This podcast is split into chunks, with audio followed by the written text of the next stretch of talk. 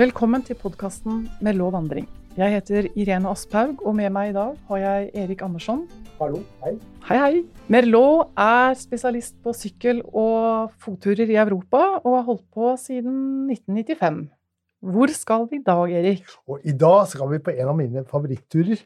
Det er Mont Blanc rundt. Vi skal gå rundt hele fjellmassivet. Og For å hjelpe oss med det, så har vi med oss en gjest. Anders Lund Eide, velkommen. Tusen takk. Hvor mange ganger har du gått rundt Mont Blanc? Ni ganger har det blitt siden første turen i 2013. Bra du, Erik. Hvor mange ganger har du gått rundt Mont Blanc? Jeg har gått fem ganger, og første gangen i 1996. Først må vi ha noen fakta. Mont Blanc rundt er en fottur rundt fjellmassivet Mont Blanc som består av 15 topper over 4000 meter. Selve toppunktet, Mont Blanc, er på 4809 meter, og den vil du se fra alle vinkler i løpet av uka. Turen har sju overnattinger og går gjennom tre land, Frankrike, Italia og Sveits. Det er en krevende tur med ca. 1000 høydemeter opp og ned hver dag, men stiene er godt merket og vel tilrettelagte. Dette er en av de Sentral-Europas mest populære vandringsturer, og det merkes på at denne turen treffer du vandrere fra mange land. Vi i Merlot Reiser har hatt denne turen på programmet siden 1997.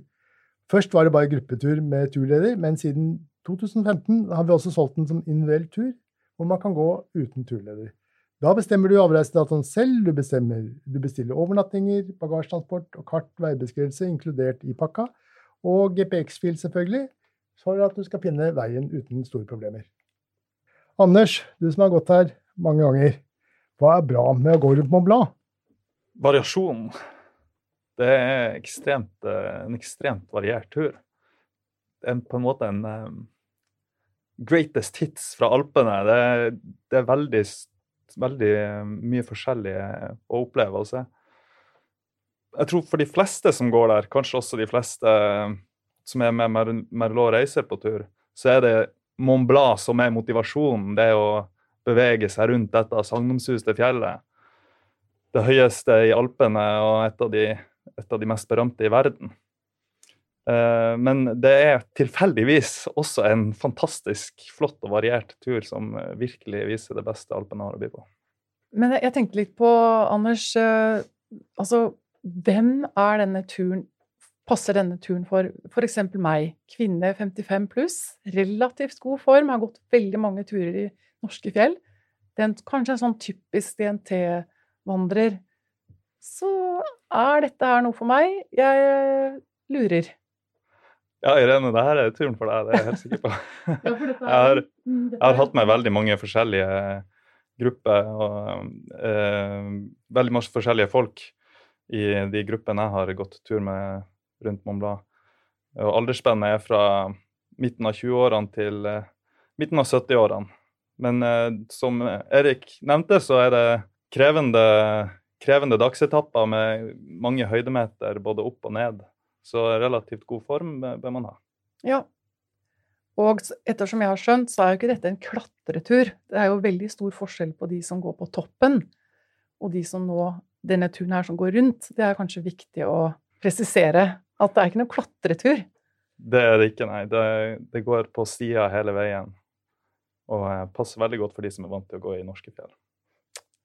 Høres veldig bra ut. Da kan vi kanskje begynne med ankomsten. Hvordan kom vi oss til første overnattingssted? Hvordan starter man? Ja, altså, Det er ikke så vanskelig. Da fly til Genéve, det er det ganske mange selskaper som gjør. Men de uh, siste årene så er det stort sett Norwegian som flyr direkte. Men men, men uh, via andre Eller fra Oslo, da. Mens uh, via andre selskaper så kan man da fly til Genéve. Og derfra så er det buss til eh, første overnattingssted, Le Contamin. Og Le Contamin, da er vi jo i Frankrike. Fortell litt om Le Contamin, Anders. Ja, Le Contamin er, er liksom den uh, kule fetteren til uh, Chamonix.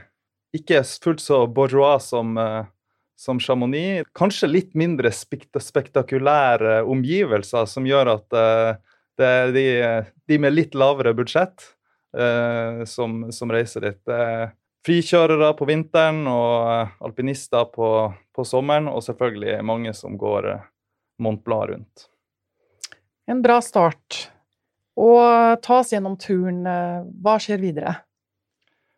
Ja, fra Le Contamin så reiser vi først et lite stykke med buss, og så begynner vi vandringa fra Notre-Dame de la Gorge, som er en, en gammel historisk kirke som ligger uh, øverst i uh, Montjoie-dalen, som er dalen der vi finner Contamin.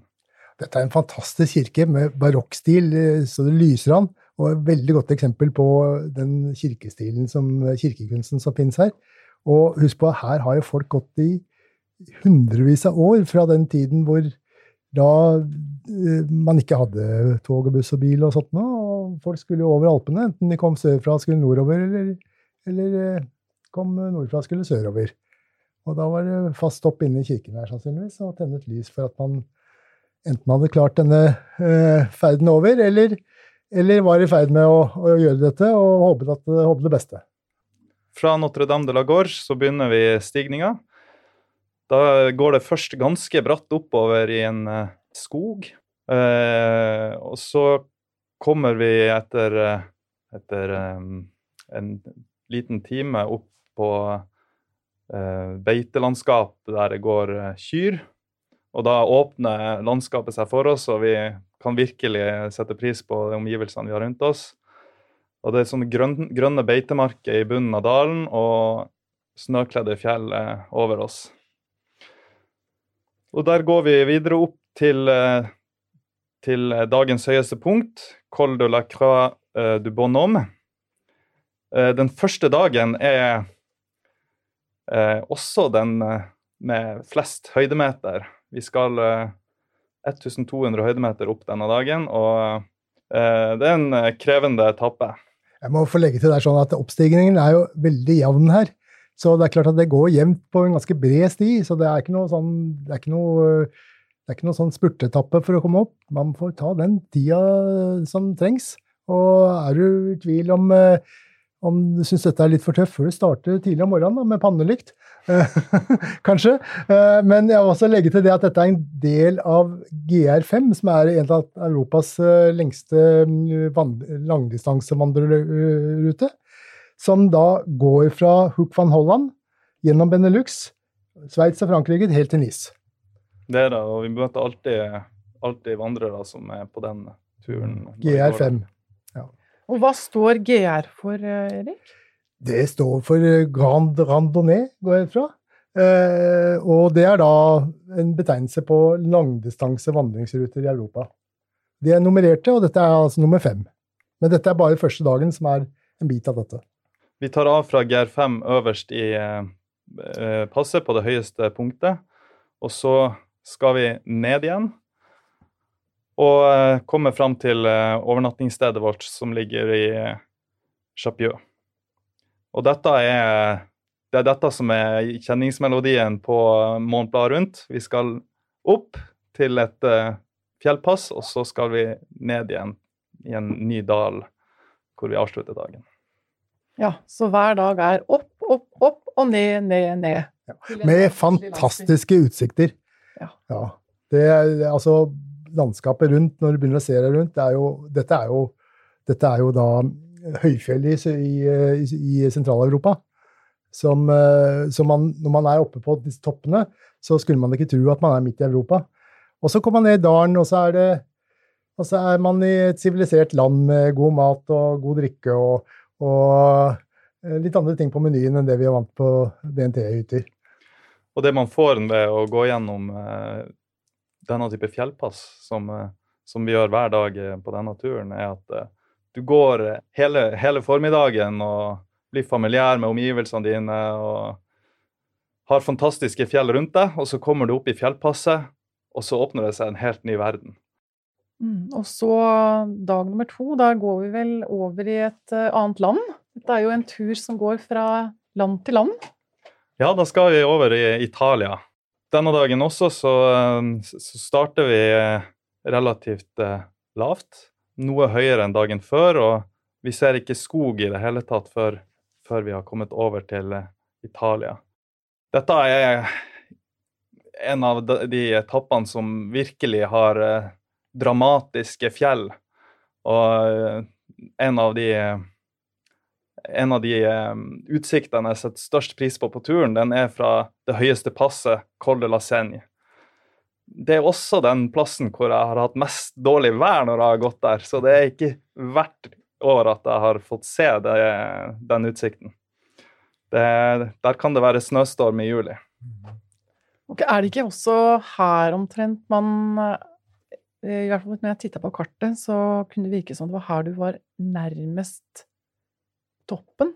Altså Ja, det kan, sånn... godt, eh, det kan godt, stemme. Mm. Og fra, fra, toppen av Colle la Seine så vil vi nesten se toppen av Mont Blanc. Ja. Men den italienske Mont Blanc, eh, som, eh, som altså befinner seg på den italienske sida av grensa, er noen få meter lavere enn hovedtoppen, som vi faktisk ikke vil se før aller siste dagen av turen. Okay. Jeg er ikke helt enig med deg der sånn.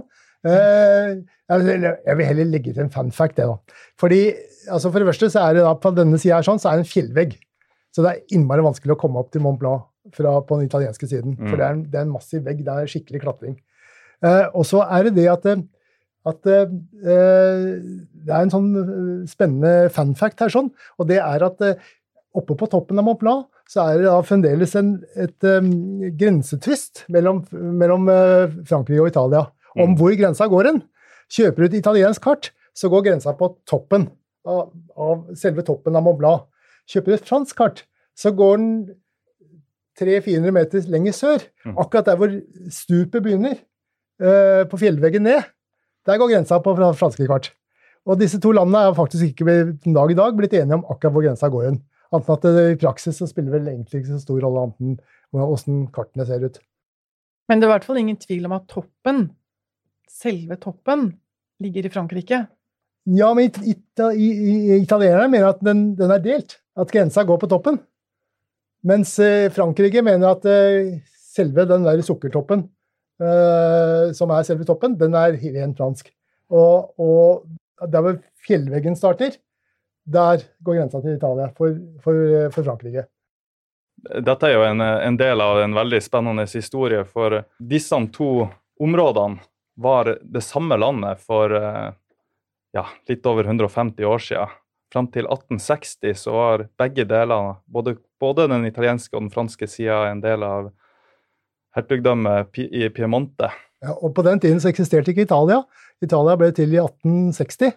Og da ble da Piemonte en del av Italia, og dette ble da, dette ble da delt med denne grensa. Og denne historien er jo noe av det som gjør det så spennende å gå her. Ja. Ja.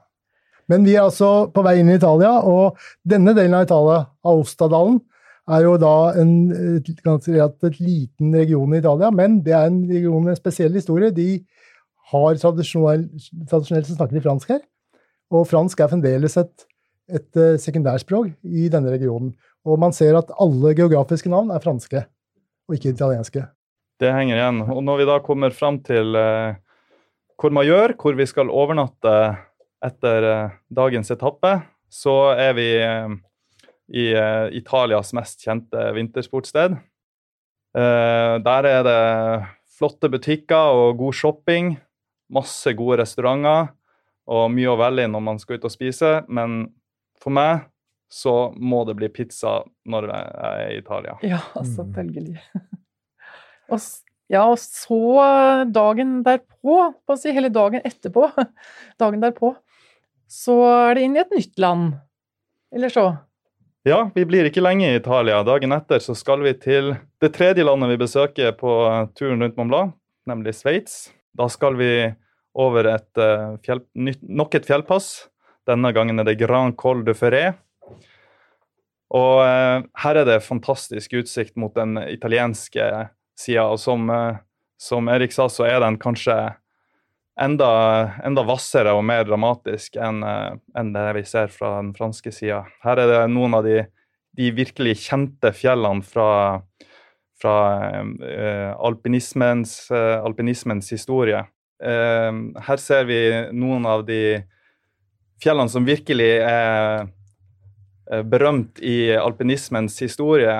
Og vi får eh, utsikt mot eh, Le Grand Joras, som, eh, som har en veldig spesiell status. Der annet Courmayeurs egen Bonatti har stått for store bedrifter.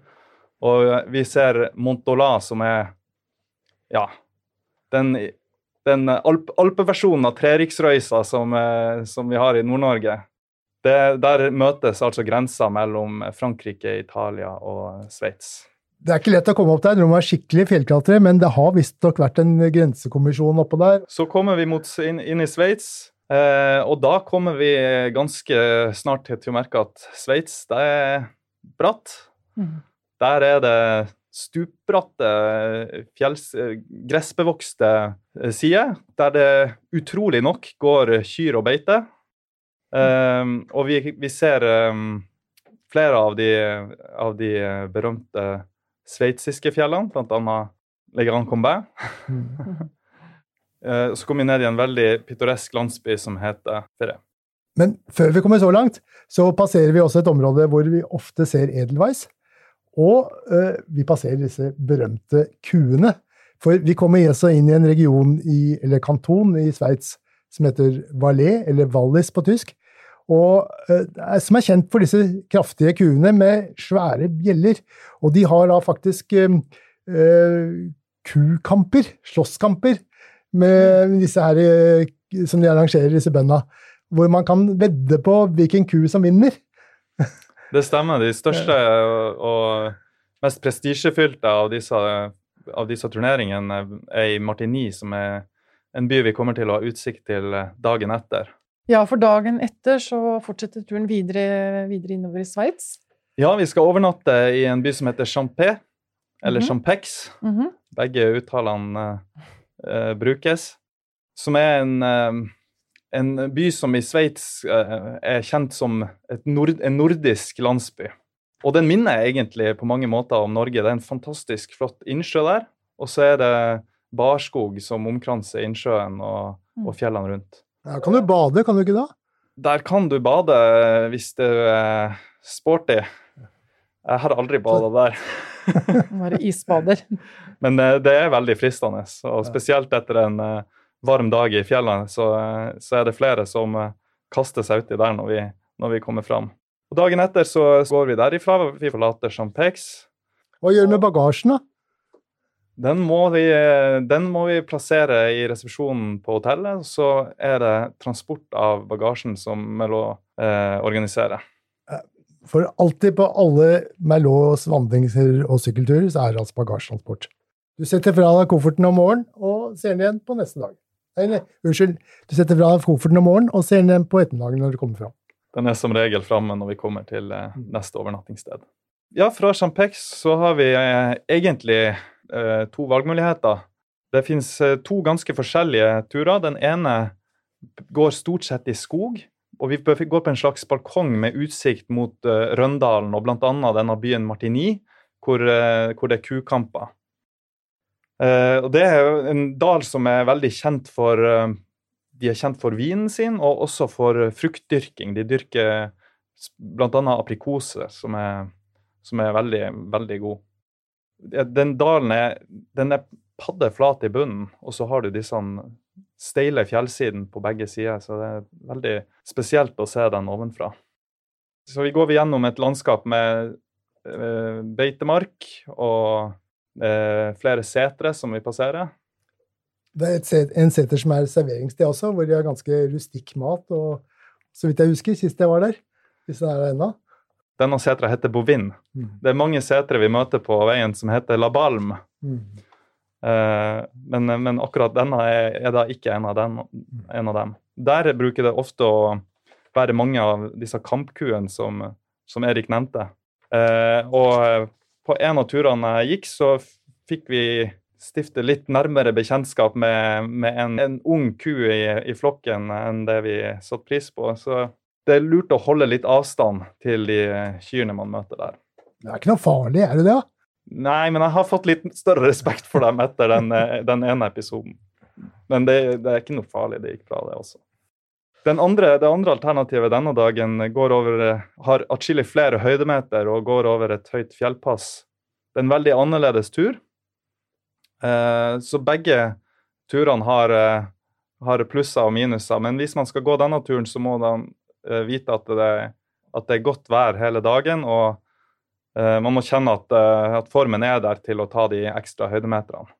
Generelt så bruker vi ofte å starte veldig tidlig på morgenen. I Alpene, spesielt når man skal høyt opp, så starter man til og med før solens frembrudd. Det gjelder ikke den turen her. Vi tar, alltid, vi tar oss alltid tid til frokost og venter på at sola har kommet opp før vi, før vi går. Men vi prøver å starte relativt tidlig, for tidlig på ettermiddagen så uh, hender det veldig ofte at det kommer, uh, at det kommer uh, tordenbyger. Spesielt hvis det er varmt og, og, fint vær. Så da er det greit å ha lagt bak seg de høyeste passene. Ja. Hvordan er frokosten? Kan du si noe om det? Ja, det er jo interessant for oss nordmenn som mener at det er det og meg sjøl også, som mener at det er dagens viktigste måltid. Eh, og det er atskillig bedre enn det man kunne frykte. Her i fjellene så skjønner man at man trenger mer enn en uh, liten croissant og, og, syltetøy for å komme seg gjennom dagen. Høres bra ut. Neste dag er vi jo på vei nå. Begynner sirkelen å lukke seg på en måte? Nå er man tilbake til Frankrike? Ja, jeg har gått uh, denne turen, uh, begge variantene uh, av denne turen. Og jeg kan jo bekrefte at, at, de er ganske forskjellige. Og den tøffe uh, Fenet d'Arpet den er ganske steinete, men det har fantastiske utsikter oppå der. Og, men det er opp, opp, opp. Mens Bovin-ruta er jo da litt mer sjarmerende og litt mer skog. Men ganske fin utsikt ned mot dalen, ja. Så kommer vi fram til Col du la Forcla. Um, og dette er da et, um, et, en liten, uh, liten, landsby som ligger liten, like nedenfor, og som heter Trian. Og uh, dette er veldig små steder. Så her er det ikke så veldig mange overnattingssteder å velge mellom. Det er enten oppå, oppe i åsen på Col Folkla eller nede i landsbyen Tkoya, som ligger 20 minutter fra hverandre. Og da er vi i natt nummer to i Sveits. Ja, jeg syns dette høres uh, veldig bra ut, jeg. Ja. Og neste dag er uh, Nå begynner jo sirkelen å, å, tette seg litt rundt, og nå er vi på vei inn i Frankrike igjen. Det er vi dagen etter, så skal vi passere nok et fjellpass. Og det mm. som åpner seg på andre sida denne dagen, det er selve Chamonix-dalen. Og nå ser vi den franske toppen på Mont Blanc, og vi ser alle alle fjellene rundt. Vi ser eh, Aiguille d'Argentier, som er et utrolig spektakulært fjell. Og vi ser eh, de berømte eh, Aiguille de Chamonix, som er en sånn takkete kjede med sylvasse pigger som er, er veldig ettertrakta i klatremiljøer. Så eh, fra det øverste passet så, så kan vi virkelig ta inn, ta inn Chamonix-dalen. Eh, og så ser vi også eh, en del av eh, vintersportsstedene rundt Chamonix. Eh, vi har Idet vi går gjennom passet, så har vi plutselig havna i et skitrekk. Og skitrekk er fin og kjekk å ha når det er snø, men det er ikke så koselig å gå der på sommeren, så da trekker vi ut, og så går vi på en rygg som strekker seg liksom utover i Chamonix-dalen. og der har vi der har vi Chamonix-fjellene rundt oss hele veien Så før vi tipper ned i dalen og kommer til eh, nest siste overnattingssted, som ligger i en liten landsby i Chamonix som heter Argentier. Og I dag kommer vi også til ganske hyggelige serveringssteder underveis, så du bør ikke ta med nistepakke i dag. Fordi um, det er flere serveringssteder underveis som har ganske god mat. Men uh, vi må kanskje si litt om lunsjen på, på gruppeturene også. For på gruppeturene så har vi alltid med en, en felles lunsj som turlederen uh, setter i stand, og som alle er med å bære dagen etter. Og den består av lokale oster og godt brød, forskjellige kjøttpålegg og ulike, ulike lokale spesialiteter, i tillegg til frukt og det som måtte være i sesong akkurat da. Og det er virkelig et av høydepunktene, å kunne sitte der mellom fjellene og, og, ta inn den delen av kulturen også, for det er jo en viktig at, en viktig grunn til at vi, at vi reiser ned dit. Men hvis du er på en individuell tur, så fortvil ikke. Det er absolutt gode muligheter for god mat da også, men da må du ordne det selv. Du må enten ta med maten og brette ut pikniken selv, eller eh, satse på et serveringssted underveis, og det finnes det ganske mye av eh, underveis, og spesielt denne dagen. På vei til Argentier finnes det flere. Men informasjonen om dette finner du også i vår værbeskrivelse hvis du er på individuell tur. Ja, og det er jo en værbeskrivelse som kommer på norsk. Den kommer på norsk. Ja.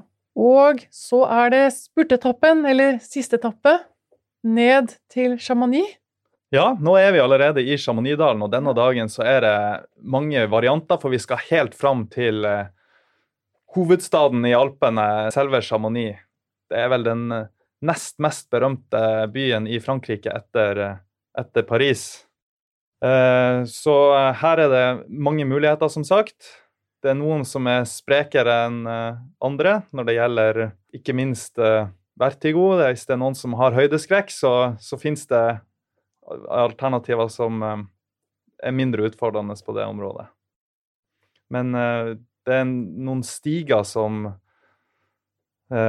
som fører opp til en balkong som man kan gå på hele dagen. Det går an å komme seg til den balkongen uten å gå stiga også, men der er det en slags slette som eh, franskmennene kaller balkong, med utsikt mot eh, Mont Blanc-massivet. Og nesten hele turen denne dagen går på denne balkongen. Og eh, der vil vi også innta lunsjen og ja, bare, bare være i fjellet og ta det inn. Jeg vil jo tro at det er fantastisk utsikt fra disse balkongene. Det er vel derfor de heter balkonger, fordi det er en veldig flott utsikt akkurat der. Det er nok der navnet kommer fra, ja. ja. Og um, du snakket om det med stiger. Altså den turen her er uh, Passer også for personer som er litt engstelige for høyde. Altså det er jo sikkert veldig vanskelig å si noe om, men, for det er jo så individuelt hva man syns er guffent. Men, det er det. Det er veldig individuelt. Men altså, jeg har gått den fem ganger, og jeg har påstått at jeg har ganske, ganske mye høydeskrekk. Men akkurat denne ene stigen som kan kanskje være en utfordring for noen, den har ikke jeg hatt noe problem med. Det er ca. fem meter høy, og den er fastmontert. Og, og, mm, jeg har ikke noe problem med den, og jeg tror det går an å gå rundt den hvis det, hvis det skulle være slik at uh, man syns den er guffen. Man kan gå, gå, rundt, var det ikke det du sa? Denne stigen kan, kan man ja. unngå, ja. Men uh, uh, som, som, du sier, så, så tror jeg at de, de, fleste, selv om de syns høyda er litt skummel, vil, vil ikke oppfatte det som veldig ekkelt. Mm. Og generelt uh, ja, Hvis ikke man vet at man har ekstrem høydeskrekk, så, så går den naturen fint for, for alle, vil jeg tro. Men denne dagen fra Chantier så skal vi da ta oss opp mot uh, Lac, Lac Blanc, som det heter, en liten innsjø som ligger oppe på det høyeste punktet, hvor det er et fint serveringssted. Der har du altså en fantastisk utsikt mot den selve Mont Blanc-toppen, så vidt jeg husker når jeg har gått der. Og når man går her denne dagen, så ser man altså små prikker av folk som da er på vei ned fra toppen, som har eh, av eh, mm. Ja, som da har vært mm. oppe på selve kroppen. Så um, ja. Stemmer ja, det, det, Anders? Det, det, begynner å bli tett med, tett med alpinister og folk som uh, prøver å bestige disse toppene etter hvert som vi nærmer oss Chamonix. Og sist jeg gikk der, så så jeg også en del dyr eh, oppi, oppi der. Denne dagen bruker vi veldig ofte å se steinbukker, som er en utrolig kul skapning. Som, eh, som man eh, kanskje bare har sett i Donald før man kommer ned hit. Og det er en av de tre store pattedyrene som eh, man kan oppleve på Mont Blanc rundt. De andre to er, er gemse, som er, som er veldig sky, og som man kun vil kunne se fra lang avstand. Så er det mm, murmeldyr, alpemurmeldyr, som er små rottelignende dyr. Det ser ut som grevlinger. Ja, OK. Hvis ja. man er hyggelig med dem, så ser de ut som grevlinger. Men det er en gnager. Men ja. Skikkelig, skikkelig stor gnager som, som bor i, i hule i fjellene der. Jeg, jeg, det, var, det var stygt å kalle dem rotter, for de er veldig søte. Og de møter man nesten helt sikkert når man går, eh, når man går den naturen. De sitter i hulene sine og skriker til hverandre når vi kommer. De har et, varsel, et veldig høyfrekvent uh, varselsignal ja. som uh, man hører ja, av og til hele dagen når man går i fjellene. Siste dagen så kommer vi da ned mot uh, Chamonix. Det gjør vi. Der er det jo uh, Hvis man har det travelt, så går det an å ta en av de mange taubanene som går ned i dalen. Hvis man uh, ikke har noe behov for å gå rundt i, i gaten i Chamonix, eller ikke har lyst til å prøve å presse inn et, en tur med taubanen som går opp til Aiguille du Medi på 3800 meter. men hvis man har god tid og, og fremdeles har uh, bein til det, så er det en kjempefin tur å gå helt ned til, uh, til bykjernen i Chamonix. Uh, og da bruker jeg i hvert fall å gå på små veier som leder oss inn i noen bakgater, sånn at vi plutselig dukker opp på, på foran domkirka i Chamonix. Og det er en ganske surrealistisk opplevelse å komme fra en uke på tur uh, og ha vært, vært oppe i fjellene, uh, gått med, uh, med, fjellsko, og så kommer du dit, og så, og så møter du av de, av de, en av de store turistattraksjonene i, i Frankrike. Og her er det folk fra alle deler av verden. Det er det er arabiske sjeiker og eh, japanere og latinamerikanere og afrikanere Det er virkelig hele verden er til stede. Og så, er det krydra med sånne alpinister som også kommer fra alle verdenshjørner, som, som trakk de hit da, til, til eh, fjellmekka i Chamonix. Og i kveld så har du muligheten for å feire at du har gått hele veien rundt. Og her er det mange restauranter å velge mellom. Ja, her er det mange eh, Så det, du har virkelig kommet til eh, til, tilbake til sivilisasjonen. I en uh, fantastisk setting omgitt av uh, svære fjell, og man kan også se helt opp til toppen av uh, Mont Blanc, nesten 4000 meter over Chamonix. Vi i Merlot Reiser vi selger altså denne ukesturen med syv overnattinger, og da kan man velge individuell tur og bestemme datoen selv. Og, eller man kan være med på en gruppetur med en turleder. Og datoene for gruppetur med turleder vil du se på våre hjemmesider, merlot.no. Så eh, det er bare å, å, velge hvis man ønsker å gå eh, sammen med sin kjæreste eller en liten vennegjeng sjøl og bestemme datoen sjøl, så er det helt ok. Eller hvis du vil gå sammen med andre og få tryggheten med å gå sammen med en turleder og, som har vært der før, og som, som har eh, piknik og og um, litt mer tilrettelagt, så er det fullt mulig. Ja, øh, da, da, avslutter vi turen med Vi har noen faste spørsmål. Er du klar, Anders? Vi avslutter turen med en fest i Chamonix og går ut og, og tar skikkelig av. At vi er blitt spreke og, og gått en hel uke i 1000 eh, høydemeter hver dag. Så det, det er helt klart at det er det krever en feiring. Ja, dette er en tur som, som, som henger høyt, og som folk, folk, fra hele Europa kommer for å gjennomføre. I Frankrike så er Mont Blanc rundt en, en, en, utrolig kjent prestasjon å ha gjennomført, så det er all grunn til å feire. ja, men det er ikke bare Frankrike, det er ikke bare franske vandrere man ser her. Her, her er vandrere faktisk fra hele verden. Ehm, så det, det, det, treffer man på disse stiene. Det er ingen tvil om at dette er en veldig populær tur.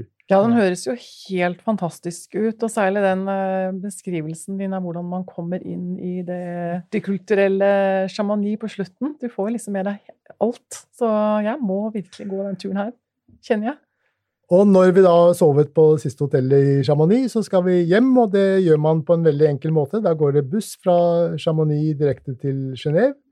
Og den går både til sentrum og til flyplassen, så hvis man er rett til flyplassen, så gjør man det. Og hvis man har litt god tid, så hopper man av i sentrum og bruker noen timer i Genéve, eller eventuelt en ekstra natt, hvis man vil oppleve den byen. Du har noen spesialtips på slutten, Erik. Kan du ta det nå, kanskje? Ja. Altså, det er jo tre land man går gjennom her. Og uh, her har man to muligheter til å være i et av disse landene på nasjonaldagen. Um, franske nasjonaldagen er 14. juli. Du kan time en tur slik at du er i Frankrike på 14. juli. Eller den sveitsiske nasjonaldagen, som er 1. august. Da må du da plassere det slik at uh, dine overnattinger i Sveits er på 1. august. Har du opplevd noen av disse nasjonaldagene rundt her, uh, Anders? Ja, jeg har vært i Frankrike 14. juli mange ganger. Det bruker å være fyrverkeri og god stemning, så det er vel verdt å få med seg. den sveitsiske har du ikke opplevd. Nei, det tror jeg faktisk ikke. Det har jeg. Det gjorde jeg med på min første tur eh, i Trojan.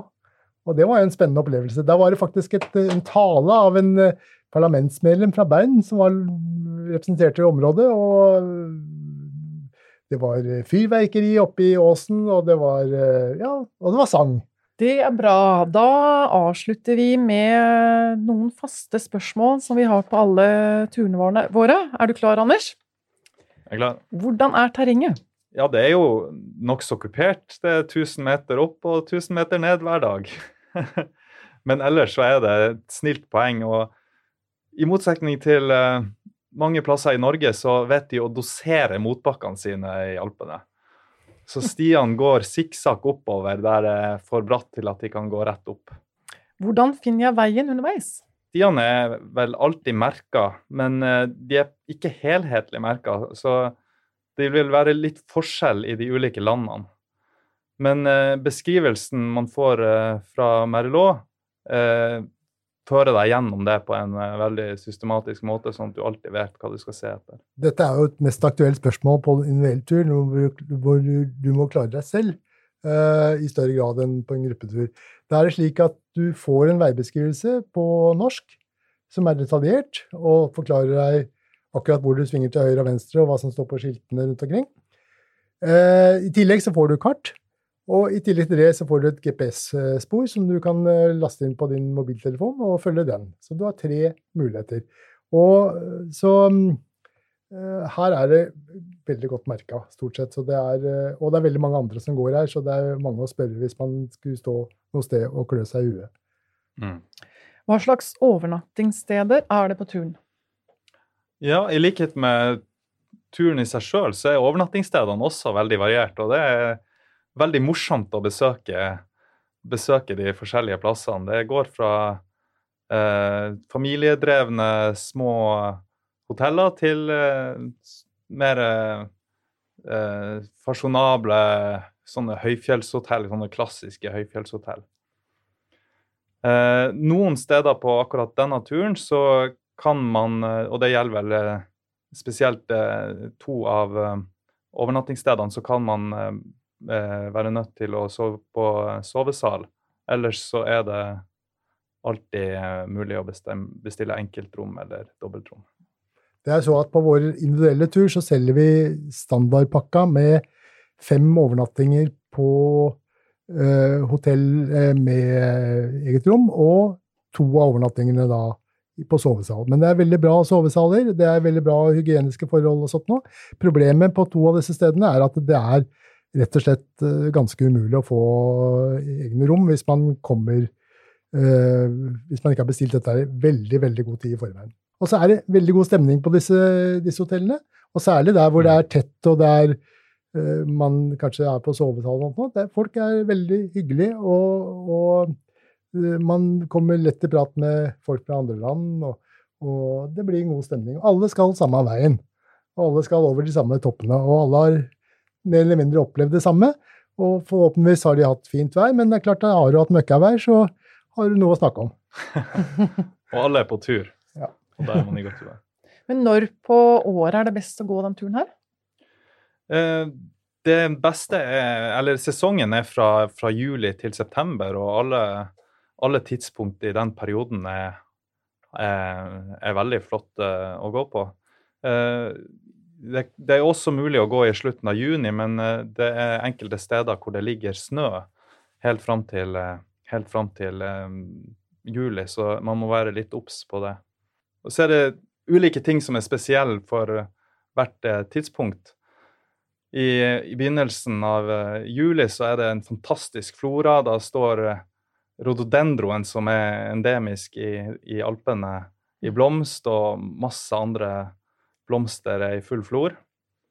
Eh, Seinere, når vi kommer ut i august, så begynner fruktsesongen for alvor, og da kan du virkelig fråtse i druer og aprikoser og ferskner. og Det er noe med frukten der nede som jeg, jeg, Det smaker helt annerledes enn det vi får på supermarkedet i Norge. Det, er, det må oppleves. Hvordan er stiene, f.eks. sammenlignet med DNT-merkingen i Norge? De, det er veldig gode stier. De er kjempegode å gå på. Så det det Du kan se for deg den, eh, den beste DNT-stien du kan tenke deg med en sånn her, det klassiske bildet med en sånn velgått sti og en rød T, og så har du, så har du det. Det er skikkelig gode stier å gå på. Er det noen luftige partier? Det har du kanskje svart på? Ja, vi har vel vært litt innom det. Det er noen få, men uh, uh, jeg, har, jeg, har, aldri opplevd at det har vært et uoverkommelig problem for, for noen som har vært med meg på tur. Det var godt å høre. Jeg vet akkurat hvem jeg skal ta med meg på tur. er det farlig å gå uten turleder? Nei, det er det ikke. Hvis man har uh, veibeskrivelsene fra Merlot, så, så er dette en tur man fint kan gå alene. Vi selger den altså med individuelle eh, avganger, og da bestemmer man datoen selv. Og det du har da i pakka, det er bestilte overnattinger, bagasjetransport, veibeskrivelse, kart og GPS-spor. Og det er faktisk det du behøver, og resten ordner du selv. Og det er ikke noe vanskelig å ordne på stedet. At man, at man har overnatting med frokost, og så eh, ordner man da eventuelt eh, å ta med seg nistemat eh, fra overnattingsstedet. Eller å satse på et serveringssted underveis for lunsj. Og på kvelden så er det da kan man velge hvor man ønsker å gå og spise. Og det er alltid gode valgmuligheter innenfor, innenfor gangavstand fra der man sover. Men så er det en annerledes tur hvis man går med en gruppe, selvfølgelig. Og man, eh, man får, jo, får jo, noe, noe annet hvis man er med på en sånn tur. Både fra turleder og dynamikken i gruppa. Og, og lunsjen. Det fellesskapet. Det er klart. Og lunsjen, og ikke minst. Ikke minst. Ja. Eh, det siste faste spørsmålet det er sikkert kanskje besvart i den norske veibeskrivelsen, men eh, det jeg lurer på, da er hvordan er det med variasjonsmulighetene i tilfelle dårlig vær, slitne knær, orker ikke gå mer? Alle dager så finnes det muligheter for å stå over en etappe. Eh, på denne turen her så er det veldig Eh, ofte at vi, man nyttiggjør seg av den bagasjetransporten som er organisert. Eh, den finnes noen dager hvor det er andre alternativer, men det er ganske eh, Det er ofte en ganske lang omvei å kjøre rundt, men det er alltid et alternativ hvis det er nødvendig. Mm. Det fins en mulighet, og i veibeskrivelsen på norsk så står det også forklart juksetips. Um, hva gjør man hvis man ikke er i stand til å gå, eller ikke ønsker å gå, eller været er for dårlig, eller et eller annet. Eh, husk at man er i høyfjellet. Mm. Og det er klart at uh, høyfjellet er, uansett om det er i Norge eller Sentral-Europa, så er det, skal man ha respekt for værforhold, vær, værforhold og, og, den slags. Før vi takker av, så vil jeg gjerne invitere alle som hører, med på tur i 2023. For da skal jeg gå min tiende tur, ti år etter min første. Uh, og da vil jeg gjerne ha med meg en en hyggelig gruppe. Hvis du er interessert i å være med Anders på tur rundt Mont Blanc, så går du inn på merlot.no og finner detaljene der. Da kan du velge mellom en individuell tur eller en gruppetur med Anders Lund Eide som turleder. Hvis dere er interessert i turen, så er det bare å gå inn på vår nettside merlot.no. Der finner dere alt av informasjon i forbindelse med turen. Da må jeg bare si tusen takk for turen. Uh, og det er bare å følge Merlot Reise på Facebook eller Instagram, uh, og også merlot.no. Takk for nå.